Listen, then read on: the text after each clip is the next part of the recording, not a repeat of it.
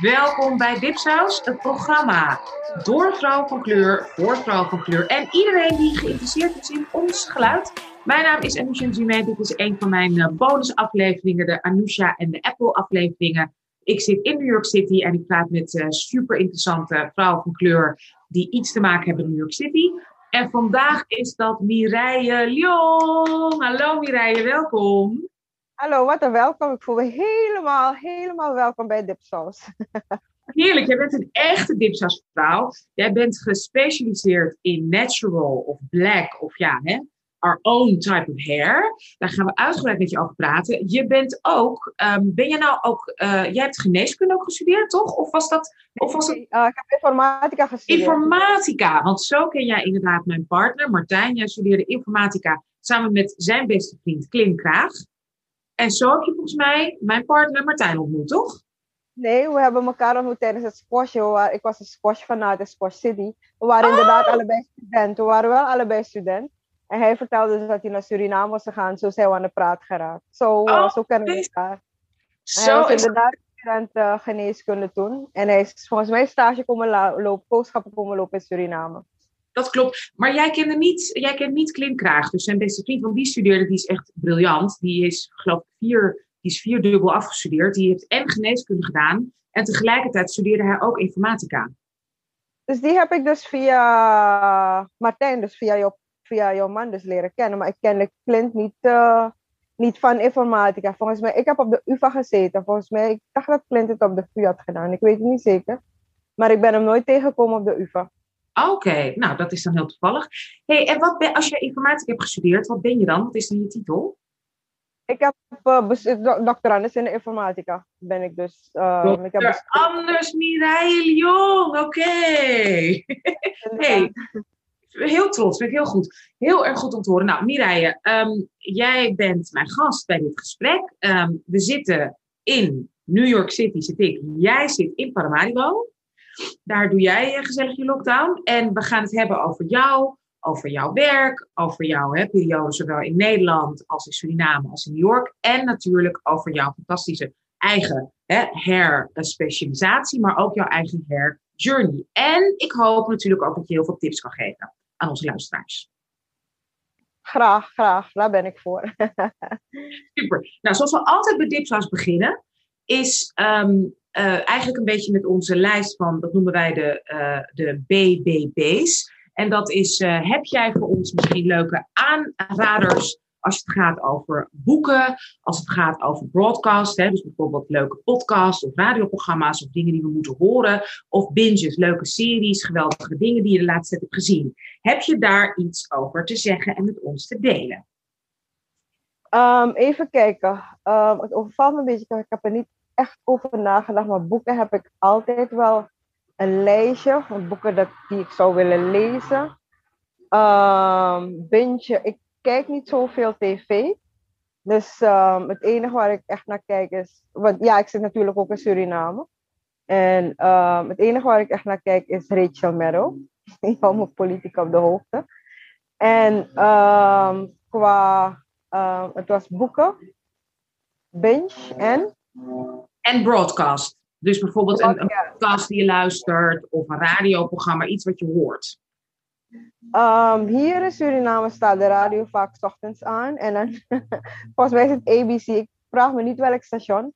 Maar dan draaien ze van die oude nummers, echt van, van toen ik volgens mij nul jaar was. Maar dan zei ik echt luid mee te zingen. En dan het lied ze dan, ik weet niet, net alsof het gewoon een week lang in mijn oor zit. En dan zing ik mee en dat irriteert me soms mateloos van hoe kom ik, hoe kom ik aan dit, deze nummers helaas? Maar, en voor de rest luister ik ook nog naar eh, WNYC. Ik weet niet of je dat kent. Dat is uh, in uh, public radio in New York. Dat vind ik een hele goede, zeg maar, daar diepen ze altijd onderwerpen Dus daar luister ik ook wel naar.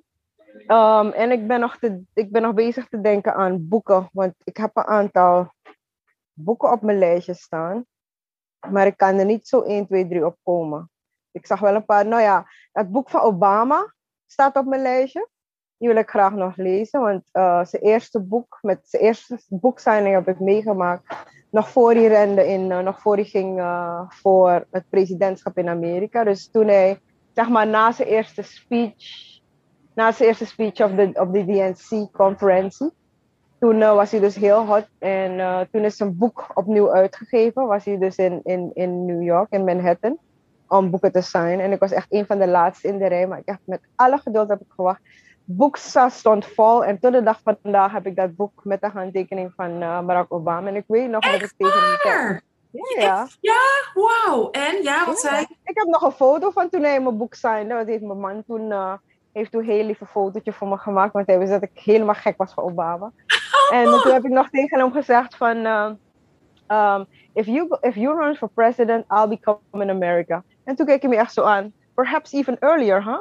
Toen dacht ik van deze man is echt real. Het gaat hem niet, weet je, het gaat niet om zijn ego. Het echt zoals je je moet Amerikaan worden. Weet je wel, het kan hem niet schelen. Weet je, maakt niet uit of ik president word of niet. En hij was echt helemaal moe.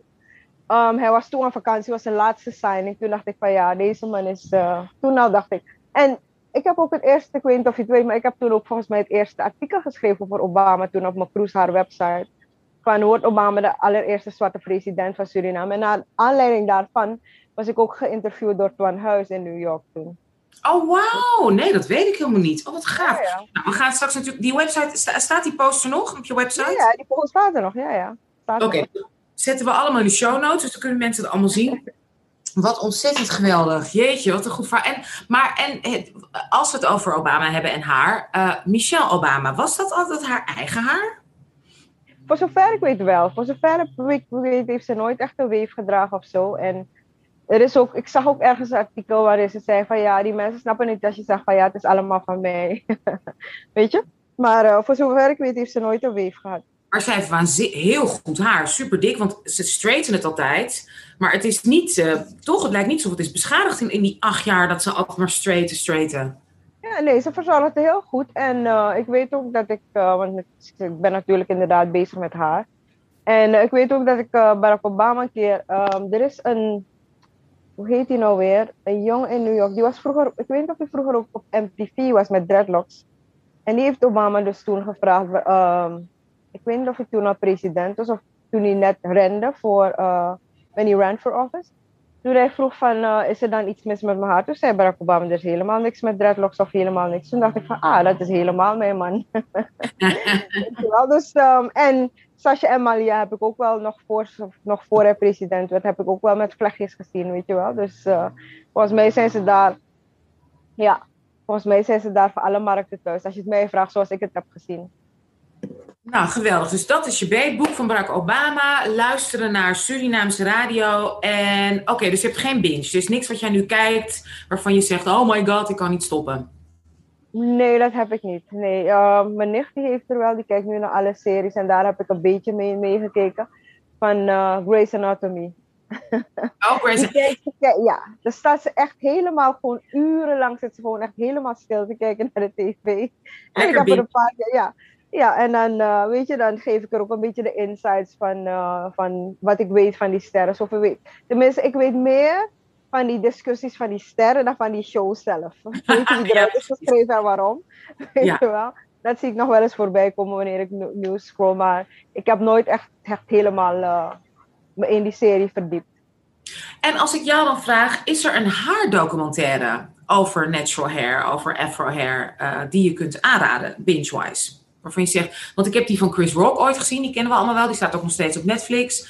Die, die is oké, maar een beetje um, nou ja, er is nu een documentaire, er zijn een aantal documentaires. Um, de ene is Back to Natural, dat is uh, van een uh, collega, ja, dat is eigenlijk ook van een vriendin, kennis van me.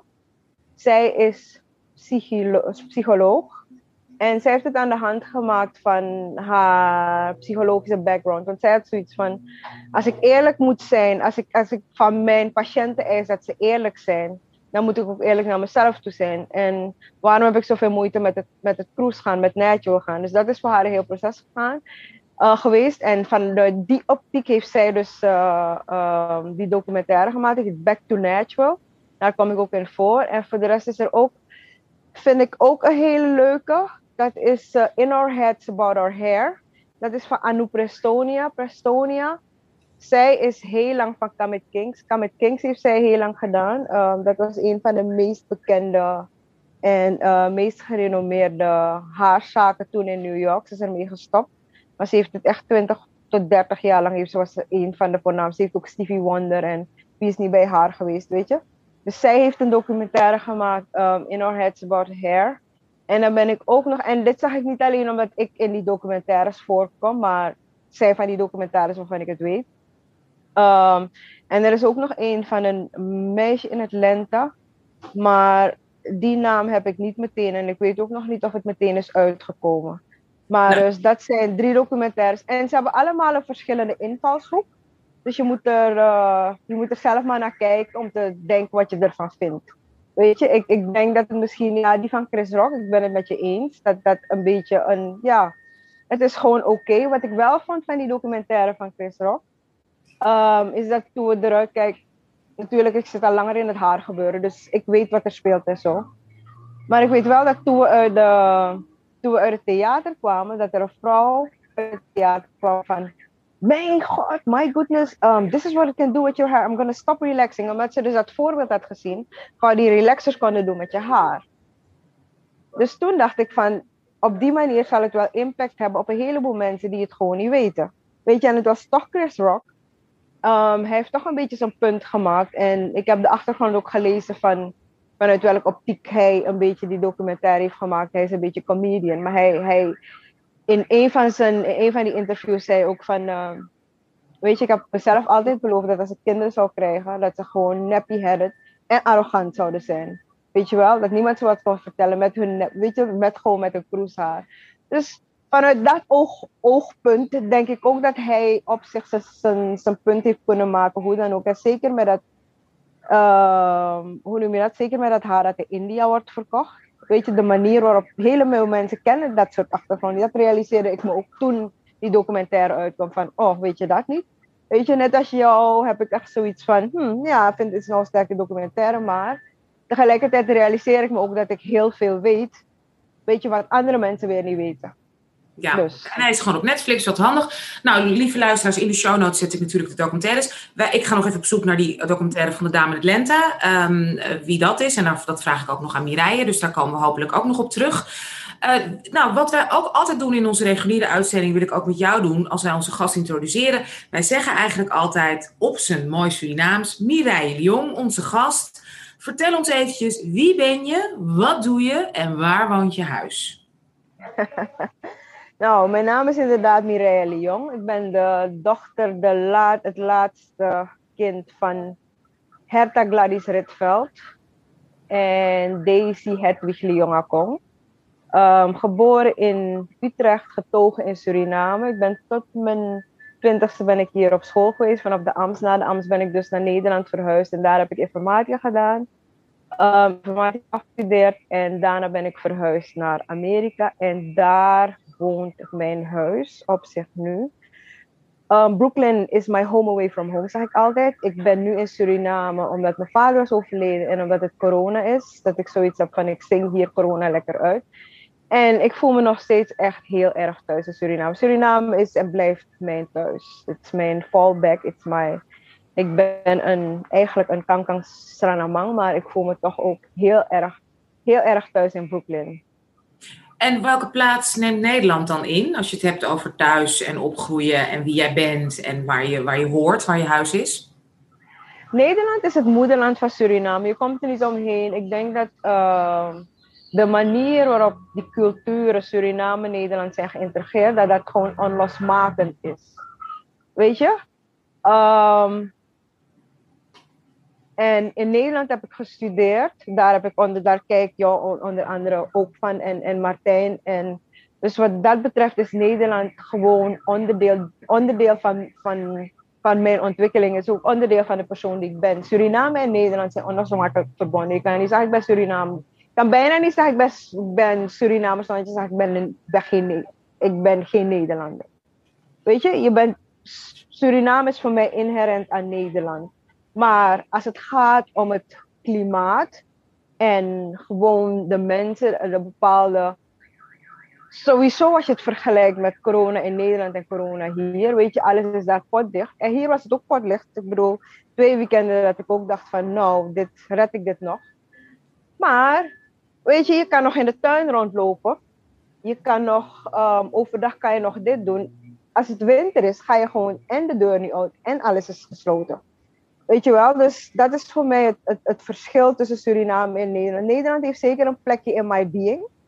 Zeker mijn ontwikkeling, die, die, die gevormde jaren van dat ik daar heb gestudeerd, informatie heb gestudeerd, heb ik heel veel vrienden gemaakt. En het is gewoon onderdeel van, uh, die ik ook nog steeds heb en waardeer. Weet je wel, ook belangrijk zijn geweest voor mijn ontwikkeling, elementair.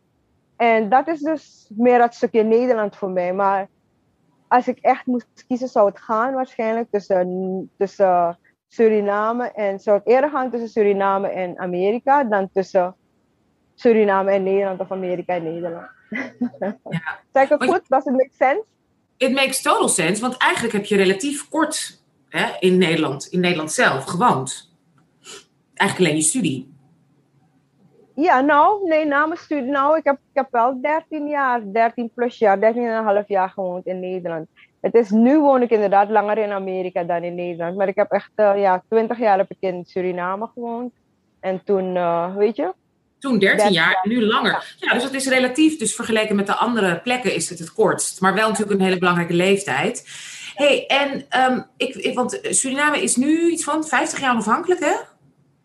40 jaar, 45 jaar. 45, 45 jaar, toch? Was, welk was het? 74?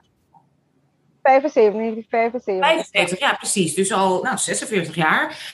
Er is een generatie nu opgegroeid en misschien zelfs al gestudeerd en alles die eigenlijk los van Nederland, quote-unquote los, is opgegroeid en opgeleid. Merk je dat nu je daar bent? Als jij spreekt met mensen van in je familie of nichtjes neefjes van 20 of van 15 of 18 die bezig zijn met hun toekomst. Welke plek speelt Nederland nog voor deze jonge uh, Surinamers die de toekomst, uh, zeg maar, hè, die de toekomst hebben?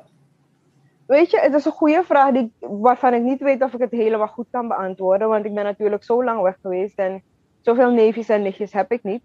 Weet je wel, dus wat dat betreft voel ik me soms ook een beetje ontworteld. Maar wat ik, van wat ik zie, weet je wel, nu ik hier, ja, ik zit er toch al een paar maanden, denk ik toch nog dat de Nederlandse invloed erg groot is. Um, er is ook Nederlandse tv, er zijn ook Nederlandse programma's hier gewoon te zien op de televisie. Wat natuurlijk ook goed is dat ze een, weet je, een breder perspectief hebben, op wat dat betreft wel. Aan de andere kant denk ik van, uh, come on, denk een beetje onafhankelijker. Want dan vind ik dat Nederland een beetje te veel op handen wordt gedragen. Als het gaat om kleine dingen van, ja, het lijkt alsof ze zeggen van ja. En ik weet niet of dat meteen de jongere generatie is hoor, maar het lijkt alsof van, uh, oh ja, in Nederland kan dit beter en dit kan beter. Terwijl er zijn een aantal Surinaamse Nederlanders teruggekomen, weet je, die echt heel bewust bezig zijn. En die hebben nou weer een heel verhaal. Die zeggen van, nee, ik kan nooit meer terug naar Nederland voel me hier zo thuis. Maar dat zijn dus eigenlijk getogen en eigenlijk geboren en getogen Nederlanders. Alleen zijn ze dus zwart en ze voelen zich hier meer thuis. Dus er is een beetje een ratje toe van alles. Weet je wel, het is, het, het is heel erg in ontwikkeling. Dus ja, ik weet niet precies wat ik ervan moet zeggen. Aan de ene kant denk ik van ja, uh, doe je eigen ding. Dat wordt ook gedaan. Aan de andere kant is een groep dat Nederland erg op handen draagt. Maar wat ik ook wel zie, is dat er toch wel veel mensen naar het buitenland gaan om te studeren. Wat ik ook op zich goed vind. Want, Welke landen gaan ze dan naartoe? Want vroeger, nee, hè, vroeger ging je nog naar Nederland studeren. En waar ja, gaat in die tijd in die tijd van Bouter zijn er ook een heleboel gegaan naar Brazilië hoor. Toen is dat ook ontwikkeld. Ze zijn naar Cuba gegaan, dus die heb je ook. Maar die heb ik om te zeggen weinig contact. Er zijn wel, weet je, er zijn wel relatief banden. Ik heb ook bijvoorbeeld Marcel Pinas. Hij vertelde me dat hij een beurs had gehad om naar Jamaica te gaan. En daar heeft hij echt zijn, zijn eigen werk kunnen ontplooien. Daar heeft hij zichzelf echt gevonden. is ook een prachtig, sorry. is ook een prachtig verhaal van Marcel Pinas. hij vertelde dus dat hij toen um, hadden ze hem uitgenodigd om zich in te schrijven op de Rijksacademie. Weet je wat? En toen dacht hij van, weet je wat? Hij was terug uit Jamaica. En daar was hij echt eh, eigenlijk een gevierd schilder toen, toen hij afstudeerde daar. Um, ze hadden allemaal zijn werken gekocht, dus hij kwam terug met genoeg geld om meteen een huisje te bouwen, weet je, om zeg maar zijn start te maken. In Suriname? ja, in Suriname. En toen ging hij naar het Rijksmuseum. Uh, hoe heet het? De Rijksacademie, hoe heet dat, die opleiding? Toen uh, zeiden ze van... De Rijksacademie in Den Haag? Ja, volgens mij. Of nee, in Amsterdam. Was in Amsterdam heeft hij volgens mij de kunstacademie of zo gedaan. Ieder geval teken. En, uh, maar ze hebben hem echt gevraagd. De twee keer de, de ambassade heeft hem toen gebeld van waarom schrijf het zou leuk zijn. Omdat ze zijn werken hadden gezien. Hij had toen een expositie in Saint-Laurent.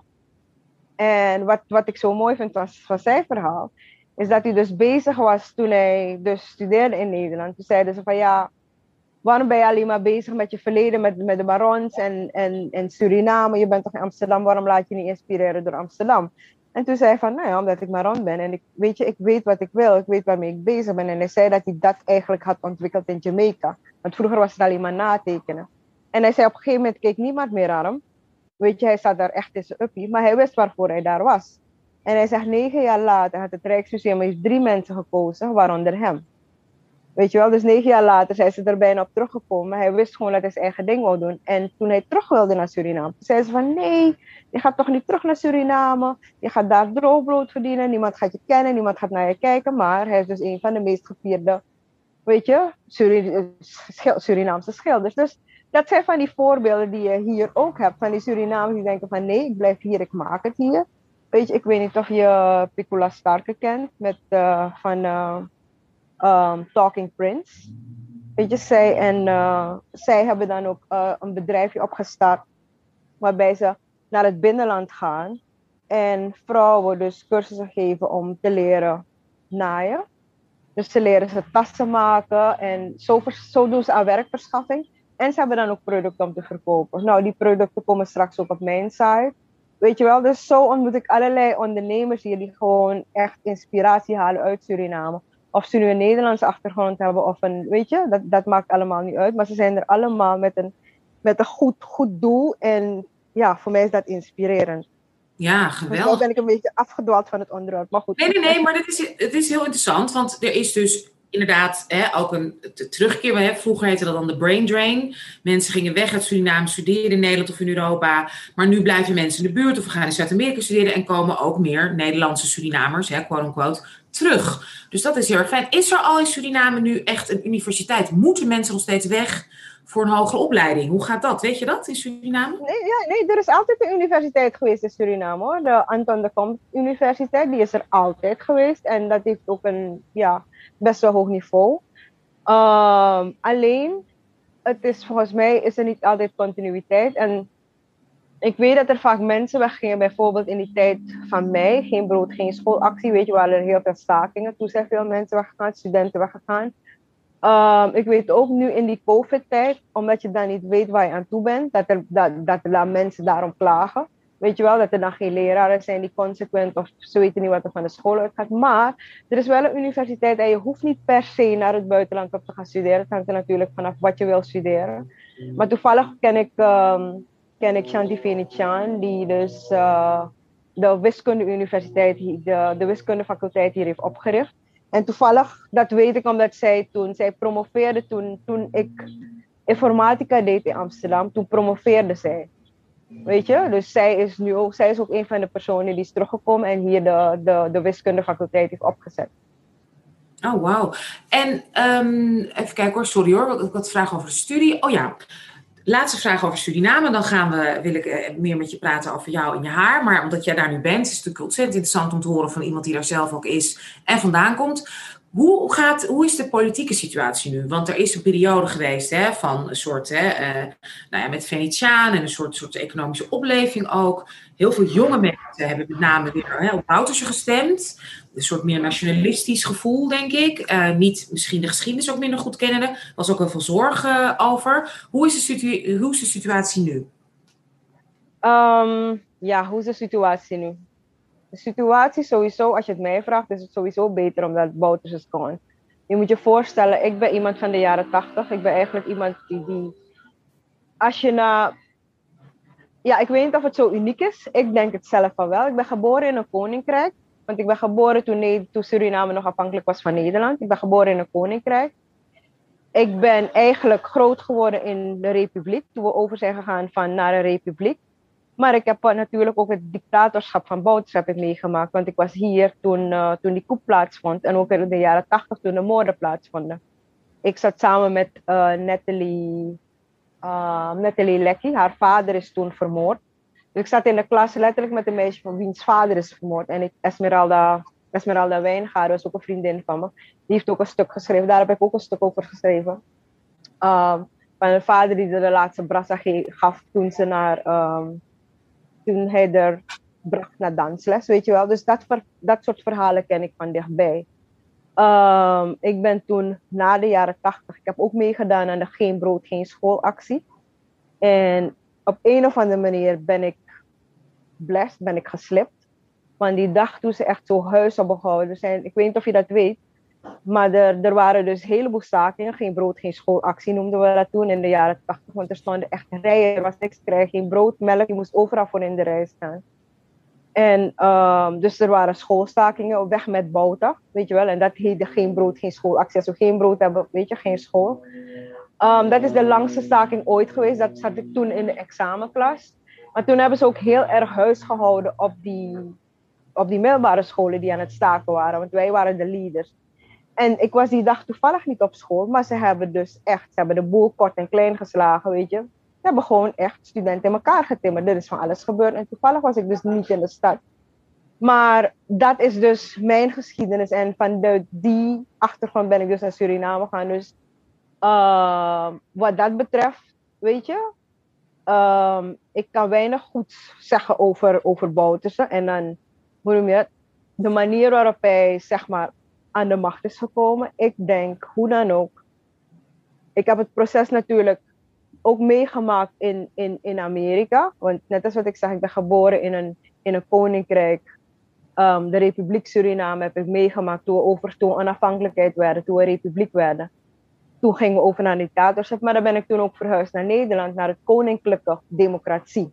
En daarna ben ik verhuisd naar de Amerikaanse democratie. En ik heb alle vier politieke systemen, of hoe je het ook wil noemen, weet je, kan ik redelijk goed met elkaar vergelijken, omdat ik echt daar was toen, weet je, tijdens Barack Obama. Nou ja, wat ik, wat ik heb geleerd van, van, van meneer Obama, is dat het maakt niet uit of je nou duizend of twee politieke partijen hebt. Weet je, waar het om gaat is dat mensen op je moeten stemmen, ze moeten achter je kunnen staan. En hoe je het ook keert of draait, hoeft het niet eens te zijn met Bouters. Maar Bouters heeft er wel voor gezorgd dat hij mensen achter zich heeft gekregen. Weet je wel, dat doet hij. En um, de andere partijen, weet je, dat scheen niet meer te werken van hij is een moordenaar of hij heeft dit, want de mensen hebben de geschiedenis niet, niet, niet, niet meegekregen. Dus zo is er zeg maar een ingewikkeld schakelspel. Maar uiteindelijk denk ik dat je um, de regeerders moet af, afrekenen op wat ze hebben achtergelaten. En als je nu kijkt hoe, het econom, hoe Suriname er economisch voor staat, dan heeft Bouters het echt super slecht gedaan. Zeker in vergelijking met de regering Venetiaan toen je die opleving had. Weet je, en waar we nu zijn, denk ik, van wat ik er mee, want ik zit er niet bovenop, maar van wat ik kan zien, is er, heeft, Santoki heeft in ieder geval veel kansen. Het is niet makkelijk. Ik zie dat er heel veel politiek spel wordt gespeeld. Heleboel ego's. Allerlei dingen spelen een rol. Van die werkt met die, maar die werkt niet met die. Of die wil, weet je, nou ja, zo gaat het eigenlijk altijd in politiek. Het is een jong land, hè? Heel jonge, jonge maatschappij. Ja, precies.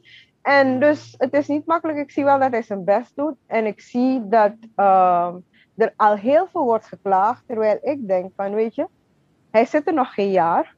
Weet je, wat kan je een jaar maar waarmaken? Kan je weinig geven hem een kans? Weet je, hij heeft gezegd, geef me zoveel maanden.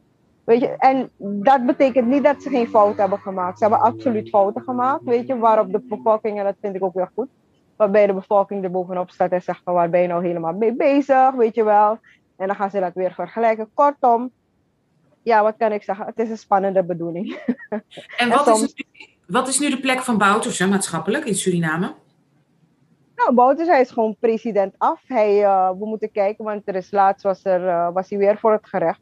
En volgens mij is het uitgesteld. Als je het mij vraagt, en ik weet echt nog niet, ik weet echt niet of ik, het gelijk, of, of ik gelijk heb, maar als je het mij vraagt, is Bouters president geworden omdat hij zichzelf vrij wil stellen van, dus het, van, van dus, hij wil zichzelf vrijpleiten, hij wil zichzelf vrij krijgen van dit hele gedoe.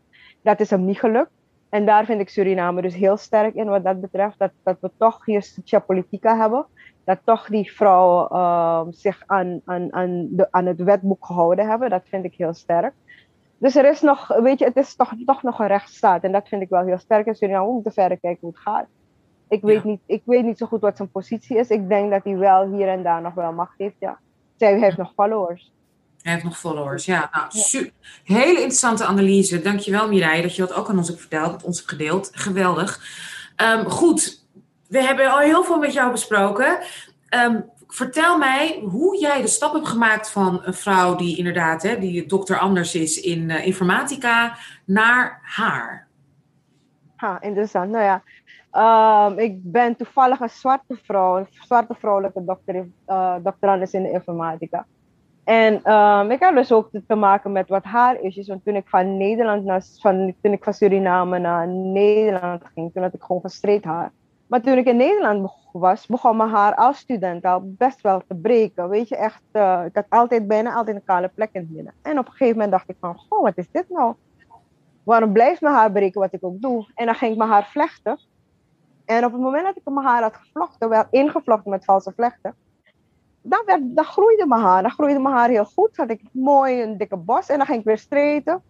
En dan ging het haar. Toen dacht ik van dit is gekkigheid. Volgens mij zijn relaxers helemaal niet zo goed voor je haar. Weet je, dus zo ben ik er langzaam maar zeker achter gekomen van volgens mij is het helemaal niet goed.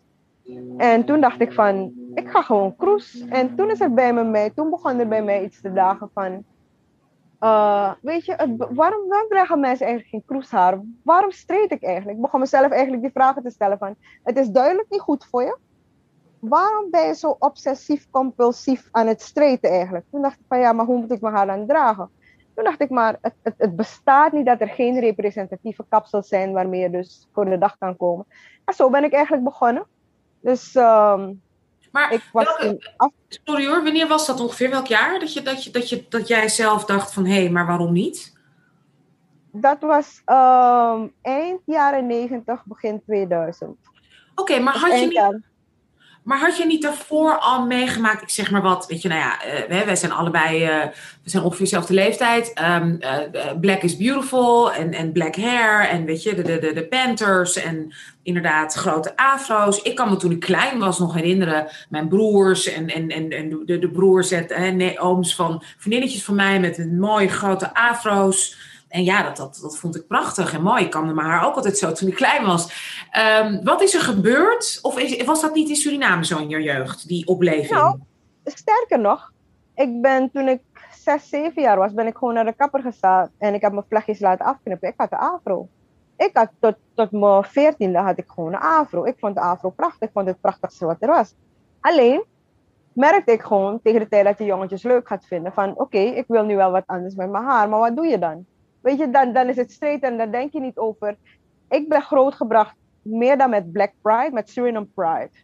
Weet je, iedereen doet zijn eigen dingen, iedereen houdt vast. Ik, nog voordat ik tiener was, had ik al in een moskee gezeten.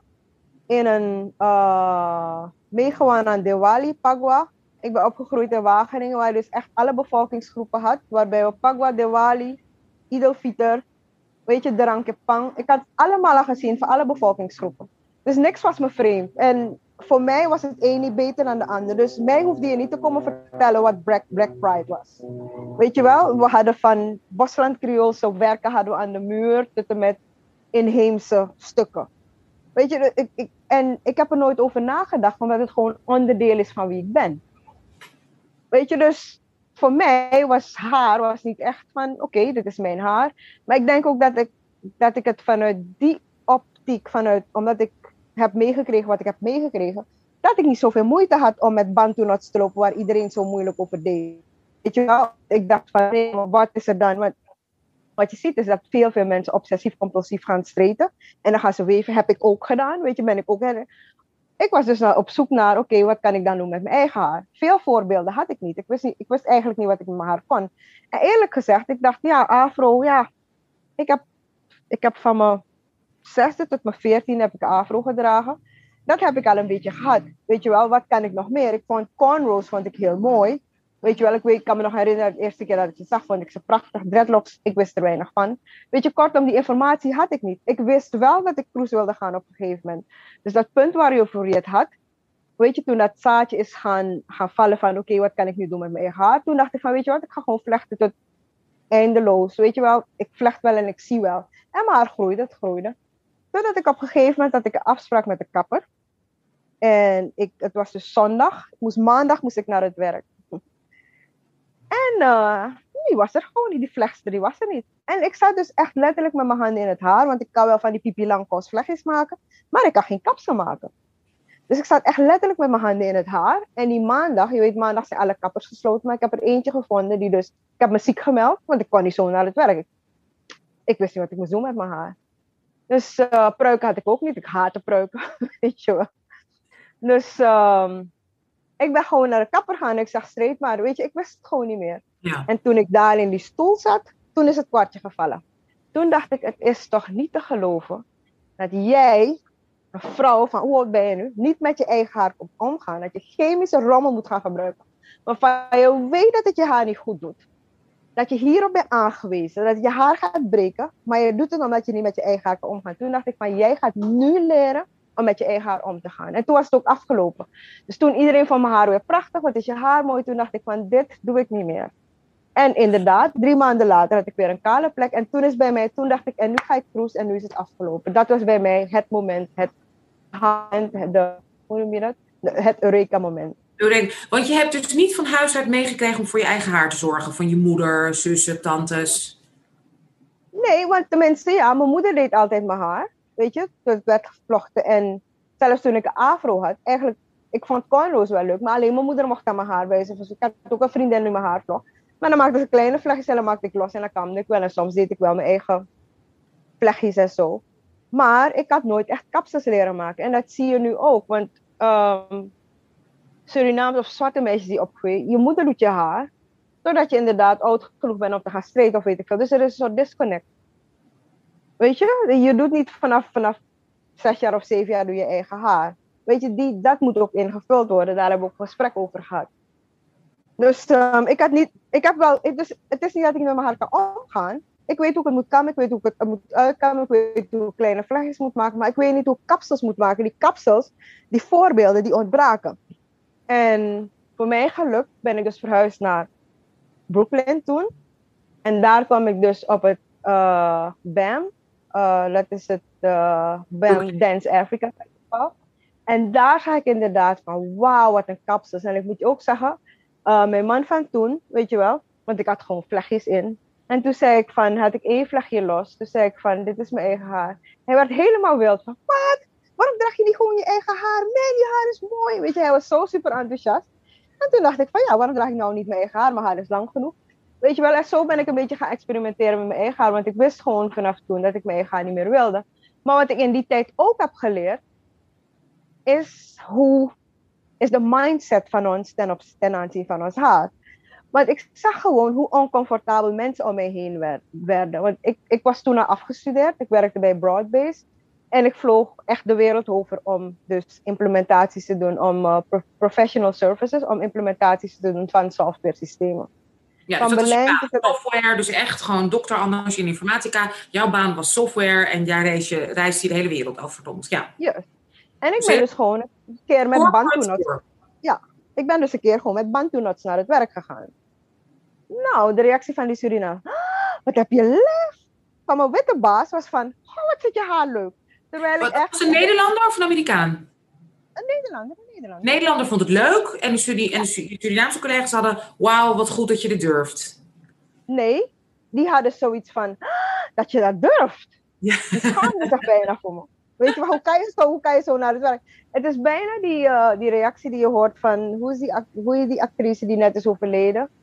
Die, uh, hoe heet ze, die was ook voor het eerst met cornrows was op de televisie. En toen kreeg je allemaal van dat soort type reactie. Van ja, ze, ze, ze maakt ons te schande, weet je wel. Het is een soort schaamtegevoel voor dat haar. Weet je, dat Cicely Tyson, ja. Zij was de eerste die met cornrows op, op, op de televisie was hè, in, uh, in Amerika. Maar dan krijg je echt zo'n reactie van mensen die zich schamen voor dat haar. Weet je, dat heb ik heel erg gevoeld. Van, uh, want dan kwamen mensen, en dan zeiden ze van, hmm, maar waarom? Dus dan kijken ze naar je haar en dan weet je al dat het wordt afgekeurd. En dan zeggen ze van, uh, maar waarom streed je niet? En dan denk ik van, oké, dan leg ik ze uit van omdat mijn haar breekt. Ja, ja, maar heb je dit en dit geprobeerd? Weet je wel, terwijl ik af alles had geprobeerd. En dan denk ik van, het is gewoon een chaîne die ze hebben, die ze, of nu is het waarschijnlijk veel minder, weet je, die ze hadden, om dat haar gewoon zo te zien.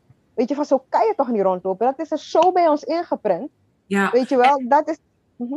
Kan je iets vertellen over die geschiedenis van dat inprenten dat ons haar, hè, zwart haar, dat dat quote-unquote slecht is? Dat heeft natuurlijk te maken met kolonisatie, kolonialisme, met inderdaad mensen tot slaaf maken, met mensen, hè, met ontmenseling van, ontmenselijking van zwarte mensen. Hoe, wat, wat, wat heb jij daarover geleerd? Nou, heel veel. Ehm, ik weet niet of je het weet, maar ehm, volgens Roy Risti, die uh, journalist, was ik dus de eerste, de eerste Surinamer met de website. Natuurlijk heb ik informatiek gestuurd. 1996 was ik, af, was afgestuurd, dus had ik al mijn eerste website. En ik had ook de eerste haarwebsite van, uh, van Nederland. Weet je, de, volgens mij ook de eerste vrouwelijke ondernemer met een, met een, met een, met de, überhaupt met de e-commerce site. Maar goed, daarmee ben ik dus begonnen. Dat was cruisehaar.nl, was het. Cruisehaar.com is het nog steeds, het bestaat nog. Um, maar daar heb ik dus heel veel, want toen had ik vooral ook een forum. En er zijn twee incidenten waarvan ik, die ik nooit zal vergeten. Een baby die werd geadopteerd van Zuid-Afrika. Weet je, een Nederlandse mevrouw die me mailde, die zei van... Ja, ik heb dat kindje heb ik uit Zuid-Afrika geadopteerd. En ze hebben me een potje meegegeven dat ik elke maand op haar hoofd moet smeren. Maar ze zegt het ruikt heel chemisch. Ik weet niet wat het is. Ik weet niet wat ik ermee moet doen. En dat was dus straight. Dat je gewoon een baby, dat je gewoon een baby met streep meegeeft. Dat is toch van de. Zo erg. Maar het tweede voorbeeld is van, we waren op een forum en een meisje dat mailde van, uh, ja, mijn moeder heeft me gezegd dat mijn kroeshaar, want weet je, voor mij was het allemaal mensen te stimuleren om vooral je eigen ding te doen, kroes te gaan. En weet je, daarvoor was kroeshaar.com. Het was het support, de steun voor uh, vrouwen die kroeshaar wilden gaan. Mijn boek was uitgekomen, ik had, ik had een boekje geschreven, het boek was uitgekomen. En vanuit dat optiek had ik dus een websiteje gebouwd. Ik heb informatie gedaan en toen dacht ik, weet je wat? Ik ben wel benieuwd naar de feedback. Weet je, ik was erg benieuwd naar hoe dat boek zou worden ontvangen. En daarom heb ik die website ontwikkeld. En uh, gelukkig is het goed ontvangen, weet je wel. Het boek was binnen twee maanden uitgekomen. Maar ik kreeg ook veel respons en veel vragen. En de vraag die dat meisje stelde, dat dit meisje stelde, was van... Uh, uh, of ze zei van, ja, mijn moeder zegt dat mijn mijn kroeshaar is lelijker dan van de, van de, de schaamhaar van een aap. Wat? Dat zei die, ja, dat zei die moeder tegen dat kind. Maar dan moet je dat in context plaatsen. Want iedereen vindt het verschrikkelijk en die moeder is gek. Maar als je het in context plaatst, die moeder heeft geleerd, die moeder probeert eigenlijk gewoon haar dochter te beschermen. Ze denkt, die haat die, die, die haat die je hiermee over je heen gaat krijgen, dat wil ze voorkomen voor haar dochter. Dus je denkt dat ze hatelijk is tegen de dochter, maar het is gewoon bescherming. Weet je wel, dat snapte ik toen al. Dat snapte Waarschijnlijk zoals haar moeder ook tegen haar heeft gezegd, weet je wel. Ja, ja, ja. Ik schrik ook niet voor mezelf als ik dan mezelf seksistische dingen hoor zeggen tegen mijn eigen dochters, weet je wel. Ook zo van, ja, maar als je dat niet doet als meisje, dat ik ook denk van, oh my god, zo geïntimideerd, ja. Ja, ja, ja, ja. Maar het is, het, is, het, is, het is al heel wat dat we onszelf erop kunnen pakken. Weet je wel, dat je er bewust van bent. Dat is al heel wat. Vind ik, dat is al een hele goede ontwikkeling. Maar dan nog, um, daarover gaat mijn boek dus ook uh, Bad Hair Uprooted. Heb je die nog gelezen? Heb je ja, nog ik heb Ja, ja, ja, ja, ik laat hem ook nu even voor mensen die via dit werk zien. En daar zetten we natuurlijk ook links uh, van in, de, in onze nieuwsbrief. Ja, absolutely. Maar daar leg ik dus echt het, het, het onvertelde verhaal, leg ik dus ook daar de relatie tussen weet je, wat wij voelen ten aanzien van ons haar, waar het allemaal vandaan komt. Want als je niet naar de wortel gaat, als je, als je het niet ontwortelt, dan, dan blijft het zich wortelen en verspreiden. Dat is het idee van bad hair opvoeden. Het ontwortelen, dat hele idee van slecht haar. Dat, daar gaat dus een boek over, om dit soort... Want iedereen staat er versteld van en ze willen die moeder aanvallen. Weet je wel, van hoe kan je zo'n slechte moeder zijn? Die moeder die dit kind we weten niet waar het vandaan komt. Niemand kan zijn vinger eraan op, er, erop, erop leggen. En als je gewoon kijkt naar de wereld, 73% van de zwarte vrouwen. Het is niet 1, het is niet 2%, het is 73% van de zwarte vrouwen. Van de zwarte vrouw heeft last van haarbreek en haaruitval als gevolg van het gebruik van relaxers. Dan, dan moet er toch een dieperliggende oorzaak zijn. Weet je wel? Dus als je dan niet gaat naar de oorzaak, weet je wel, kan je het probleem ook niet oplossen. En zeg maar, dat is mijn dat is ook, weet je waar ik, dat is ook mijn verhaal naar, human, naar de Human Rights Commission toe, waar ik het zeg maar helemaal, ja, waar ik het nog iets duidelijker stel van wat er, wat er moet en kan gebeuren. Ja, Want vertel even, als je het hebt over de, jouw haarjourney, hè, dat is dan persoonlijk. Dat begon eigenlijk dus al in Nederland, hè? Hoor ik je vertellen, voordat je naar Amerika ging. Daarna, dus jouw Amerikaan, je Nederlandse baas vond het leuk, maar ik weet dat, hè, daarom ben je daar ook mee bezig in Amerika met de uh, Human Rights Commissions, is dat heel anders. Is de wetgeving ook heel anders als je het hebt over natural black hair. Hoe was dat voor jou toen je naar Amerika ging? Nou, eigenlijk, kijk, omdat ik eigenlijk me, altijd mijn eigen bedrijf heb gehad, weet je wel, heb ik persoonlijk heb er niet zo last van gehad. En in de informatica ook niet, want ik vloog de wereld gewoon rond met, met, met mijn vlechtjes en met wat ik wou dragen. Daar heb ik niet zo'n last van gehad. Maar wat ik bijvoorbeeld ook weer mee heb gehad, is dat in Nederland is het ook een issue. Want um, zoals ik vertelde, zoals in mijn boek staat van een 12-jarig meisje, die ballerina. Weet je, die gewoon is geschorst omdat ze haar haar niet in een knotje wilde draaien, dragen. Ze wilde haar wel in een knotje dragen, de moeder wilde haar niet streten. En dat ze daarom is geschorst, weet je wel. Die moest ook, het gerecht, uh, die moest ook naar, uh, hoe heet het, naar de ombudsman om haar gelijk te halen voordat ze gelijk had. Dus het speelt overal. Toen ik in Amerika kwam, in ieder geval, ik zat verschrikkelijk goed waar ik toen zat. Dat is dus Brooklyn. Weet je wel, toen kwam ik in aanraking, toen kwam ik bij BAM Dance Africa en het International Africa. Dat heeft me echt geleerd, dat heeft me echt geleerd dat er ongelooflijk veel mogelijk is met kroeshaar. En dat zijn dus die foto's die je ziet in uh, Bad Hair Upload. Daarmee heb ik zo geïllustreerd. Want toen, ja. toen ging voor mij een wereld open. Want toen realiseerde ik me van, man, als zwarte meisjes over de wereld deze kapsels konden zien, ja. dan, zouden dan zouden ze misschien toch ook relaxen. En dat is niet het probleem. Het obsessief-compulsief relaxen is het probleem. Weet je, als je weet dat er iets anders mogelijk is, dan hoef je niet continu te gaan denken van ik word niet aangenomen. En natuurlijk ook met, met het idee van, of niet met het idee, met het feit dat je niet wordt aangenomen met dreadlocks. Weet je wel, dreadlocks kunnen niet, afro kan niet, je haar moet glad zijn. Weet je? Ja, dus, maar dat uh, vanuit... in Amerika nog bij heel veel corporate jobs. Is dat toch nog, daar, daar ben je nu toch voor aan het strijden? Hoe, hoe, hoe kan je dat rijmen met, dat dus ja, aan de ene kant heb je dat mooie gevoel in Brooklyn, maar de realiteit voor inderdaad docenten, leerkrachten, uh, stewardessen, was dat echt heel anders nog toen je naar Amerika ging? Ja, maar ik bedoel, daar was het al veel verder gevorderd dan in elk ander land dan. Amerika is de voorloper geweest. Dat lees je ook bijvoorbeeld Hair Stories. Heel goed, is een heel goed boek om te lezen. Want daar documenteren ze echt de, de Black Hair History, zeg maar. Vanaf, uh, vanaf nog toe, voor, voor wij slaven waren.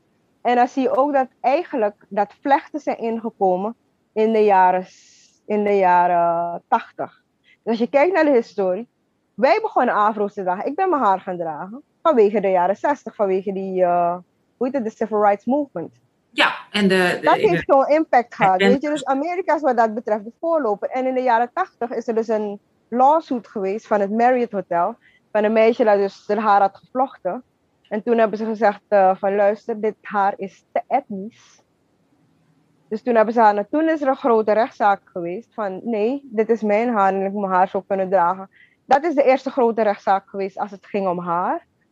En dat heeft echt maar voor de doorbraak gezorgd dat veel mensen over de rest van de wereld. Daarom heb ik ook mijn vlechten kunnen dragen, bij wijze van spreken. Ehm, tijdens mijn studie en na mijn studie. Weet je, als die rechtszaak er niet was geweest, dat heeft gewoon alles opengebroken. Dus als je kijkt naar Amerika, en zeker toen ik er kwam in, uh, in 2000, weet je wel, was dat al veel verder gevorderd. Um, toen ik begon, ik was wel een van de eerste samen met een paar anderen die toen begonnen met de haar, haar website. En puur omdat ik, ik had dus informatica gestudeerd en ik dacht van, nou ja, weet je, toen ik ontdekte dat echt 73% van de zwarte vrouwen last hadden van haarbreek en haaruitval als gevolg van gebruik van relaxers. Toen dacht ik, nou, hier wil ik dus mijn expertise aan, aan. Toen dacht ik, hoe kan ik dit beter maken? En dat is dus ook mijn ontwikkeling geweest. Dus toen ben ik ook begonnen, daarom ben ik ook begonnen met websites, met schrijven, met bloggen. En dat heeft zich dus daardoor ontwikkeld. Wij waren echt um, Going Natural, Cruza, dat zijn echt de oudste nog levende blogs als het gaat om natural haar. Maar ze waren dus, eigenlijk hebben wij dus, ge, hoe noem je dat? Wij hebben dus live gebracht wat er eigenlijk al speelde. Weet je wel, want een heleboel mensen gingen al natural. En dat komt omdat, zeg maar, na de jaren 60, toen zijn heel veel mensen, toen ze alle heleboel civil rights hadden, toen zijn een heleboel mensen zijn uiteindelijk zijn ze weer gestreden, want ze hadden toch, uh, Weet je, had al behoorlijk veel civil rights. Je, je, je, je kon werken waar je wilde. Je kon, quote-unquote, kon je uh, huizen kopen. Je kon evenveel stemrecht. Dus dat was, dat was toen, uh, dat hadden ze toen gehaald. Weet je wel, men ging weer terug naar de werkvloer. Maar ook toen is de relaxer is toen uitgevonden. Dus vrouwen zijn toen massaal gaan streten. Maar in de jaren 80 had je ook heel veel haaruitval. Dat was dus ook ik. Weet je wel, dus miljoenen vrouwen die hadden haaruitval. En ondertussen, zeg maar, in de jaren 60 toen die Black Pride Hair Movement is gestart met afro's, hebben we willen ons eigen ding doen. Daar hebben zich ook, uh, ietsje daarna, hebben zich ook dreadlocks ontwikkeld. Maar mensen zijn ook gaan vlechten, weet je wel. Dus daar heeft de soort, daar heeft de natural hair industrie, is zich toen begonnen te ontwikkelen. Want um, voor zover ik weet, en hou het me ten goede, want ik ben altijd bezig met onderzoek, maar voor zover ik weet, in ieder geval in Nederland, had je tot voor ik wegging, had je geen enkele zaak waarin je met je kroeshaar een kapsel kon gaan. Het enige wat ze deden met kroeshaar was streken. Weet je, dat heb je heel lang gehad. Maar uh, toch, het, ik, vind het, ik, ik vind het zo interessant, want bewegingen het is natuurlijk altijd gaat in, in, golven, zeg maar, verandering en, en, en emancipatie. Dat je had dus die ontzettende opleving in de jaren 60 en jaren 70 en Black Pride. En Ehm, hè, de jaren tachtig, ik denk ook een beetje, misschien ook met, met, met hip-hop muziek en met popular culture, kwam, kwam inderdaad een tegenbeweging van veel meer straighten. En als je nu, ik, doe, ik woon nu drie jaar in New York, maar bijna alle vrouwen die ik op tv zie, nog steeds, zwarte vrouwen, hebben of pruiken of gestraight hair. In het, als weet je, nieuws lezen, er zijn weinig, mondje, mondjesmaat heb je wat vrouwen, maar in principe zijn, zeg maar, nou misschien niet 9 van de 10, maar zeker 8 van de 10 hebben straight haar, de commerciële, succesvolle vrouwen. Hoe, eh, hoe kan dat dus dat, dat je aan de ene kant een soort emancipatiebeweging kreeg en dan toch terug, toch een beetje terug in de mal? Nou, uh, is, is trouwens een hele goede vraag. Amerika is een heel groot land. Weet je, het is gigantisch groot. Wat je op tv ziet is eigenlijk maar, of weet je, dat is eigenlijk de crème de la crème. Dat is eigenlijk maar een heel klein stukje. Weet je, en je hebt zo delen van Amerika die gewoon echt waar het, waar het, het, het verschilt eigenlijk van bijna van staat tot staat en bijna van, van plek tot plek. Want als je zelfs als je Brooklyn vergelijkt met Harlem, weet je wel. In Harlem, in Brooklyn, waar ik woon, in Bedster, zie je gewoon geen relaxed haar. Je ziet geen waves. Weet je? Is heel frappant. Dus ik leef in een wereld waar cruisehaar normaal is. Terwijl, als ik eventjes naar Georgia, Atlanta, naar een, een andere staat ga, dan zie ik daar weer heel veel gestreden. Dan denk ik, weet je, dan soms ook als je, als je naar Manhattan gaat. Dus het verschilt eigenlijk van plek per plek. En voor mijn geluk zit ik dus volgens mij in het centrum van het, weet je waar het cruisehaar, het van de wereld noem ik dat. Weet je wel, waar bijna alle inspiratie vandaan komt, waar je een heleboel natural hair surfaces hebt. En uh, dus zeg maar, aan de ene kant valt het zo te verklaren. En het is nog allemaal relatief jong we zijn er eigenlijk pas net mee begonnen. Ik bedoel, het feit dat, weet je, zwarte mensen nog steeds de, e-, het enige, de enige mensen op deze aardbol zijn die niet het mensenrecht hebben. Weet je, het fundamentele mensenrecht hebben om hun haar kroes te dragen. Dat ontbreekt nog steeds. En dat precies. Vertel alleen maar... Vertel, wat hoe, zoals jij bent bezig ook met de Crown Act. Kan je dat dus ook uitleggen? Dat dat, wat dat is en waarom, dat, weet je, waarom daar nog een strijd over gaande is? Inderdaad, het recht om je eigen haar te dragen. Dus um, net als wat ik zei, van eigenlijk begon het kwartje bij mij te vallen toen ik, toen ik dat geval van um, dat meisje, die, die, die ballerina in Nederland. Toen dacht ik van jeetje, we mogen ons haar goed. Toen, want ik, ik, ik dacht altijd van waar komt die 73% vandaan? Hoe bestaat het dat vrouwen zo obsessief massaal, obsessief... En aan de ene kant, ja, dat goed haar, slecht haar, ik weet waar dat vandaan komt. Maar ik kon nog steeds niet goed verklaren waarom we allemaal relaxen. Weet je wel, ik weet wel van oké, iedereen vindt glad haar mooier, weet je wel. Maar wat ik tot dan toe niet besefte, is dat wij niet het recht hebben om ons haar natuurlijk te dragen. Want dat meisje, die ballerina, die wilde wel haar haar in een knotje, maar het mocht niet omdat het kroes was. Toen dacht ik, daar, dat, daar dat is het dan. En dat gaat ook in veel Amerikaanse uh, uh, staten ook. Dat geldt over de hele wereld. Dat geldt ook in Afrika. Dat geldt ook in Suriname. Ah, dus, maar wacht even hoor, dus in professionele omgevingen? Ja, ja klopt. In professionele omgevingen. Dan moet, je niet, dan moet je niet zomaar met cruisaar komen aanzetten. Weet je, er zijn nog niet eens etiketten voor cruisaar. De etiketten zijn gebaseerd op glad haar. En glad haar dat gewoon een verschil van cruisaar, kan je zeggen. Weet je, cruisaar groeit aan een andere hoek. Glad haar groeit gewoon recht naar beneden. Dus voor ons om te voldoen aan de normen van glad haar, hebben we chemicaliën nodig. En je kan niet zeggen van, je mag niet komen solliciteren als je zwart bent. Je moet jezelf even wit maken. Is vergelijkbaar. Weet je wel? En maar dit soort dingen zijn mensen eigenlijk, het is, het is net alsof mensen zich dat nu pas realiseren met de hele kolonisatie, de hele slavernij. Je ziet dat er is nu een hele ontwikkeling gaande. Weet je, mensen beseffen zich dit, uh, deze dingen zich pas nu. Dus, en van, van daaruit, van dit oogpunt ook, uh, Human Rights Commission in New York, die is gewoon een zaak gestart al, ze waren er al langer mee bezig, omdat zij dit probleem natuurlijk al hebben gezien. En zij hebben er werk van gemaakt om een antidiscriminatie hairlaw te initiëren. En die is er nu ook doorheen. Dus eigenlijk zijn er maar twee... In New York State, hè? In New York State. En die gaat nu, ja, volgens mij is het nu wel statewide. Um, in Californië, nou, New York was de eerste city. En Californië was de eerste state, want daar heb je dus ook een, uh, een politicus met dreadlocks. En dat betekent dus, dus even voor de Nederlandse luisteraars, dat betekent dus dat in New York City in ieder geval, en nu geloof ik ook in heel state of Californië, mag jij met je haar zoals het is, mag niemand jou discrimineren. Dus ze kunnen ook niet zeggen, ja maar in ons bedrijf hebben we allemaal knotjes. Toch? Of in ons bedrijf willen we een professionele look. Je mag of het nou dreadlocks zijn, knots, of maakt niet toch? Je mag ook alle vlechten doen die je wil. Ja, je mag, je, mag er, je mag er sowieso een zaak van maken. Ik denk wel dat je rekening moet houden met de norm, dat zeg ik altijd. In die zin van, kijk, uh, waar het mij om gaat, is dat ons haar kan voldoen aan elke norm die je, elke norm die je voor ons hebt. Als je haar tot je schouders mag zijn, nou, ons haar kan tot de schouders zijn. Als je vindt dat we niet met zo'n ballon op ons hoofd, met een prachtige afro, jij noemt een ballon, noem, noem maar het kan afleidend zijn als jij vindt van je bent receptioniste, ik wil niet dat je haren afleiding is. Dat kan ik me respectfully, dat kan ik me voorstellen. Dan mag ik mijn haar wel in een knotje zetten of dan mag ik mijn haar wel in cornrows zetten. Weet je, ik kan me voorstellen dat je zegt van, uh, want KLM heeft ook geregeld dat je haar, ik weet het, mag niet, heel, niet helemaal op je bil zitten of zo.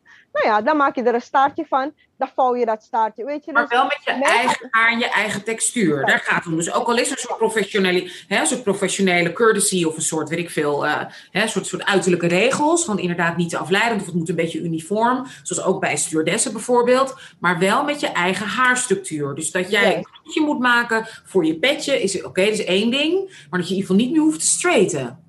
Precies, precies. Perfect uitgelegd. Dat gewoon inderdaad, of je, nu, of je nu twist, of dreadlocks hebt, of een kleine afro hebt, of cornrows, weet je wel, het moet mogen met je eigen haar. Ja. Dus dat is, dat is waar we voor vechten. Dat is waar, waar we mee bezig zijn. En eigenlijk, nu op de wereld zijn er dus maar twee, niet eens landen, maar twee staten, waarin die dus vechten tegen anti-herdiscriminatie. En hoe zit, weet jij hoe dat dan zit in Nederland? Dus als jij, moet jij in Nederland, als jij stewardess bent of een bepaalde baan hebt, ook het straighten? Ik weet wel um, dat mijn nicht was toen heel lang geleden. Die zeiden dat ze toen in die tijd van de afro, dus zij had de afro. En toen zeiden ze van ja, je moet je haar knippen, maar dat kan zo niet. En ze was gewoon tijdelijk stewardess. En ze zegt, ik heb mijn haar niet geknipt, ik heb mijn haar gewoon weggedaan onder die pet, weten zij veel. Weet je wel, zij zien dat, ze weten er ook niet veel van. Weet je, er, er moet ook geschoold worden. Dus um, verder ken ik geen voorbeelden van, uh, van, van Nederland, behalve dus die 12-jarigen. En soms er is ook wel een, een geval geweest op Facebook. Die mensen hebben heel veel slack gehad. Er was een bedrijf dat toen had gezegd van ja, ze hadden dat meisje hadden ze toen aangesproken op haar, op haar vlechten. Van ja, dat doe je toch niet? Nou ja, nou, toen, toen is de Facebook-maffia achter ze aangegaan. Dus er zijn wel incidenten hier en daar. En dat, volgens mij ken je ook dat geval van, uh, van je loopt toch niet als een bosaap of uh, bosneger. Zo, volgens mij is er is in Nederland, in ieder geval, laat ik het zo zeggen, er is in Nederland geen wet die jou beschermt. Volgens mij dat jij jouw haar mag dragen zoals je wil, natuurlijk. Weet je? Dat is er niet. Dat is er niet. Die is er niet, wet in Nederland. Klopt, klopt. Dus het is een beetje afhankelijk van bedrijf en weet ik veel. Dus het is een beetje arbitrair. Dus als je een beetje leuke mensen hebt, dan zeggen ze, oh, maar het kan ook zijn dat, dat hè, quote unquote, dat je er professioneel moet uitzien. Is die voor geen dat, dat, is, dus waar ik aan werk met de Human Rights Commission van New York. Op het moment dat we de wetten er daardoor hebben, dat proces, dat wil ik meenemen naar Nederland en Suriname en wherever om het te gaan implementeren, zodat we wereldwijd, weet je wel, dat vrouwen wereldwijd gewoon het mensenrecht hebben om het haar te dragen zoals zij willen. Ja, dat. Ja, ja, ja. En ook in hun eigen textuur. Dus ook al moet je een knot, ja, prima. Zoals inderdaad die ballerina ook deed, die had een knot. Maar omdat het niet gestrijd was, werd het niet gezien als echt een echte knot. Ja. Jeetje Mina, wat een... Uh, ja, het is, het is, als je erover nadenkt, is het eigenlijk ongelooflijk. Hè? Dat, dat, dat, dat zoiets fundamenteels... Ja, het, het is echt, het is echt zo'n um, succesvolle manier van dehumaniseren. Op een soort hele subtiele onder het mom van professionaliteit, van inderdaad, weet je wel, uh, cultuur. Hele heftige dehumaniserende uh, manier van met mensen en met vrouwen dus omgaan. Dan heb je dus over de dehumanizing, dus je hebt het over dehumanisering, dat is één. Weet je wel, vrouwen met complexen, dat is één. Maar dan als je nog kijkt, en dat is waar ik echt de Human Rights Commissions echt de ogen mee heb geopend, denk ik. En dat is dus als je kijkt naar um, het geld dat erachter zit, naar de impact. Want ja. zwarte vrouwen die besteden negen keer zoveel als elke andere bevolkingsgroep aan het haar. Ja. Nou ja, als ik negen keer zoveel moet besteden in een, hoeveel is het? Hoeveel biljoenen is het? Ja. Ik kwam dus op 2,4 biljoen per jaar. Wow. Dat de community gewoon verliest aan, weet je, aan de aankoop van wees. Dus je moet je voorstellen dat meisjes, als ze 24, 27 jaar zijn, they already spent a mortgage on, on, on, on their Weet je, dan heb je dus al een, een, een, hoe noem je dat, aan een kapitaal uitgegeven, aan een, hoe noem je dat, een, een hypotheek uitgegeven aan je haar. Ja. Nou, bereken dan als je dus gewoon je kroeshaar mocht dragen, dat je dan een huis of een auto had. Kijk naar dan de economische acht. Weet je, dat iets zoals haar, als je het zo bekijkt, dat dat ons gewoon economisch achterhoudt vanwege deze dehumanisatie. Ongelooflijk, ja, het is echt systematisch. Ik, ik zal nooit vergeten, ik weet niet of je dat nog weet, weet je nog vroeger de Oprah Winfrey Show. En uh, hadden ze dus ook over schulden en over geld. En, en toen zat er ook zo'n witte vrouw, die was dan uh, gespecialiseerd in financiën. En die ging een zwarte vrouw dan helemaal zo beraten. Je moet hier op bezuinigen, daar op bezuinigen, dit. En de kapper, je gaat elke week naar de kapper, dit kan niet. En die vrouw, nou die zei natuurlijk helemaal niks, maar die zei alleen maar, die keek zo Oprah aan, wat er ook gebeurt, ik ga naar de kapper. En die kon dus ook niet. Zo, nou, misschien ben ik me verkeerd, maar wat moest ze zeggen op dat moment? Luister, I'm a black woman. I need to go to the hairdresser, otherwise I'll lose my job. Maar volgens mij zei ze dat zelfs bijna van, hallo, kijk naar mij. het, ging, niet eens, het ging niet eens om de job. Ze was gewoon van, no matter what happens. En die, ze gingen failliet. Ze gingen ze failliet. failliet. Maar ik ga niet de kapper opgeven. Dus het, gaat, het kan me niet schelen of ik failliet ga of niet. De kapper geef ik niet op. Ja, dat. En ja. it blew my mind. Weet je, ik zat er ook zo naar te kijken van, hoe is dit nou mogelijk? Hoe ver zijn we ge geconditioneerd dat we zelfs failliet zouden gaan? Maar dat is, dus, dat, dat is het dus echt daarom. We besteden negen keer zoveel aan ons haren. Economisch houdt het ons gewoon structureel achter. Gewoon omdat wij nog steeds geloven en niet het recht hebben. Want eigenlijk komt het door het feit dat we het recht niet hebben. Weet je, dat is misschien nog sterker dan het geloof. Ik weet niet is een kwestie van het uh, kip of het ei kwestie. Weet je wel, maar daardoor, dat zijn die fundamenten waaraan gewerkt moet worden. Die moeten verbroken worden voordat wij vrij kunnen zijn. Nee, dat is, gewoon opgelegd. dat is gewoon opgelegd. Want dat zie ik ook als ik naar Cameroen ga. Schrik ik me dood. Wat mensen doen met hun eigen haar. Wat mensen doen met hun eigen huid. Weet je, in hun eigen land. Maar ja, wat denk je als je eeuwenlang gekoloniseerd mensen weghaalt en alles. Eh, dat, dat bloody westerse schoonheidsideaal. Dat zie je ook in Aziatische culturen en landen. Waar vrouwen de meest verschrikkelijke operaties en alles eh, ondergaan. Uh, weet je, daar niet vertellen over liegen, om dan mis, eh, weet je, dat je mis, uh, quote-unquote, hè, Miss Korea wordt als je, als je ogen er wat westerser uitzien. Quote, weet je? Ja, dus aanhalingstekens. Het is, het, is, het is verschrikkelijk. En wie verdient er het meest aan? Niet. Toch, als je kijkt ook naar de haarindustrie, hoeveel echt black-owned haarcompanies zijn er? Maar, ja, maar dat is, dat, dat, is dus, dat, dat, dat is dus waar het om gaat. En het ergste is nog, dat niemand weet iets van black hair. Behalve dus de zwarte vrouw. Niemand, niemand weet iets van black hair. Het zijn echt alleen zwarte vrouwen die de kennis hebben. Maar wie gaat er vandoor met het geld? Weet je wel? Dat zijn die mensen die je niet gaat inhuren met je eigen kroeshaar. Ja, ik ga eventjes, um, we nemen even een hele korte break, want ik ga eventjes jouw haarspul pakken. Want we gaan het nu hebben over haar, hoe je het verzorgt en tips. Dus ik ga het heel even pakken. En tel. Oké. Ik, heb, uh, ik heb mijn product, daar ben ik net ook gehaald, terwijl jij weg was. Want ik heb een aantal, ik ben bezig een nieuwe lijn te ontwikkelen. Een van dit is deze shampooballen. Die wordt nu uh, ook verkocht in Suriname en uh, in Nederland. Nou, niet in Nederland nog, maar wel in Suriname en in Amerika. Daarnaast heb ik een haarthee. Een wat? Het is een haarthee. Haarthee? Ja, dat is echt gewoon heel voedend. Dat uh, doe ik bijna elke dag. Dat moet je zelf trekken. Weet je wel? Dus, Oké, okay, dus dat, dat, dat kan ik zelf thuis maken? Ja, dus het is een gewone theezakje, dat krijg je. Tenminste, dat krijg je, dat, als je dat, dat, dat, moet je gewoon trekken en dan zet je het in een sprayfles. Want het is, uh, het is gewoon echt voeding. Het is letterlijk voeding voor het haar, haarthee. Het blijft ook niet heel lang goed. Dus je moet ervoor zorgen dat je het ook niet te lang... Weet je, dat je het gewoon... Dit is gewoon voor 1, 2 weken is het goed. En dan heb je weer gewoon een ander theezakje. Maar dat is echt een van mijn organic... Weet je, organic formules die ik aan het ontwikkelen ben. En uh, ik weet niet of jij daar ook last van hebt. Dat als je de douche, onder de douche vandaan komt en je krulletjes zitten heel mooi. En dat je dan op het moment dat je er een baroek over haalt, zijn krulletjes helemaal frizzy. Ja, slap of frizzy en droog. Het is hier zo droog in Amerika. Ik zeg het je. Deze baroek, het is de beste baroek die ik ooit heb, ooit ben tegengekomen. Het absorbeert zonder dat je je krulletjes in de war bent. Ook voor dreadlocks, weet je wel.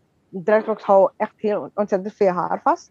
Maar uh, deze baroek raad ik dus iedereen aan en deze verkoop ik ook tegenwoordig. In Suriname werk ik dus met, over die meisjes die ik net heb verteld, Pekula. Zij hebben dus dit bedrijf, weet je, met vrouwen in het binnenland.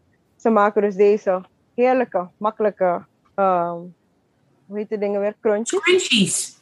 Yes. Nou, nou, die verkoop ik, die gaan binnenkort ook op de website. Ik krijg hoofddoeken. Deze deze wordt gemaakt, dit noem ik de Magic Head Wrap, omdat je het op zoveel verschillende manieren kan dragen. Deze wordt gemaakt door een uh, Surinaamse vriendin van me in, uh, in uh, Brooklyn. Weet je wel, maar je kan er echt, ik heb er een videootje van. Oh, mooi. Hoeveel manieren je dit kan dragen, want je kan het gewoon zo dragen. Je kan je het helemaal onderzetten. Je kan hem ook andersom doen, weet je wel.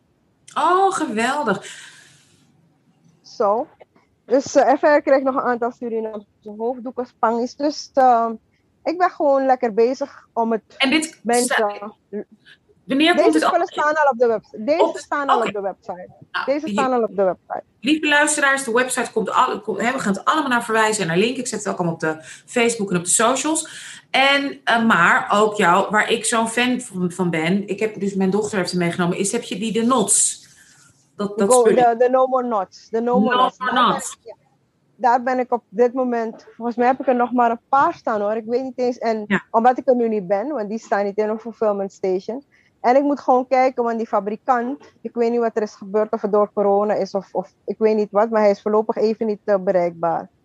En ben jij, ben jij van de aloe vera of zeg je dat is onzin?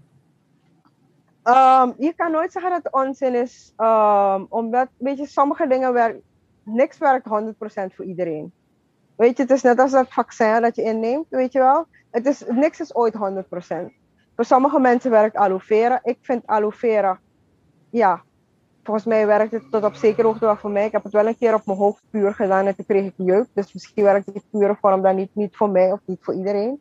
Weet je wel, maar op zich als het een product is, heb ik er, heb ik er niks op tegen. Op zich is en het wel uh, wat castor oil, dat is ook een soort ding wat je altijd hoort. Oh, castor oil, castor oil, weet je wel? Van die soort hele dikke, donkere olie is dat? Ik, ik hou persoonlijk wel van castor oil. Toen ik mijn haar vlocht, was dat een van de weinige oliën dat als ik mijn haar ermee vlocht, weet je, invlocht, dat mijn haar gewoon zacht bleef. Nou heb ik wel gehoord van uh, een of andere haargoerie die zei van ja, het brandt je haar of zo. Dus misschien is dat ook niet helemaal goed.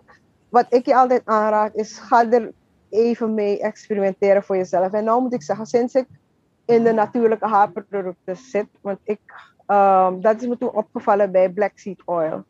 Ik zweer bij Black Seed Oil, het is echt heel goed voor je gezondheid, dit en zo en zo. Ik had een hele goede kwaliteit Black Seed Oil. Is en toen ging ik gewoon... Ja, maar nu heb ik hem dus niet meer, want ik ging dus bestellen bij dezelfde fabrikant hetzelfde merk, hetzelfde potje. En het was gewoon een heel andere, lichtere, gewoon een totaal andere vorm. Maar het hangt dus helemaal af van de wereldmarkt. Van de kwaliteit die daar verkrijgbaar is. Want dat wordt gewoon verkocht en gebotteld. En als je gewoon een jaar een slechte oogst hebt. En zo zit de natuur natuurlijk in elkaar. Ja. Eén jaar heb je goede wijn, de andere jaar, het andere jaar niet. Dat, dat is ook zo met castor en met alle ingrediënten van de haarindustrie.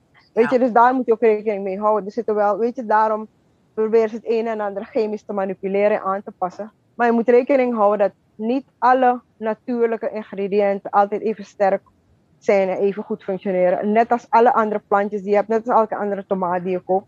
Die net iets, je hebt, soms een betere smaak, soms een slechtere smaak. Wat doe je even voor mijn eigen tips? Kijk, ik was, uh, ik ben uh, een paar weken geleden was ik eventjes op Aruba. En ik ben dan altijd weer, denk ik, ja, in dat klimaat hoor ik thuis. Ook of als ik in Suriname mijn haar zit, dan meteen tien keer zo goed. Het is vochtig in de lucht. Ik krijg weer echt, weet je, pijpenkrulletjes. Het zit twee keer zo vol. En dan kom ik weer hier in Amerika en dan droogt het weer uit en alles. Wat? wat? En ik denk dat heel veel vrouwen, met name gemengde afkomst, en uh, ja, ook met, met kroeskrul of C2, C3, altijd die, want krullen zijn heel erg gevoelig. Met die droogte, hoe moet ik daar nou mee om? Want ik heb zelfs zo'n mist, zo'n waterspray, weet je wel, van Evian, dat ik het af en toe vochtig hou. Wat, wat what the hell? Wat, hoe kan ik daar nou mee omgaan? Oké, mijn droge loks, dat is dus waarom ik zweer bij deze shampoo bal. Mijn haar was gewoon echt super droog. En met deze shampoo bal, als ik het was, er zit um, Epsom salt in.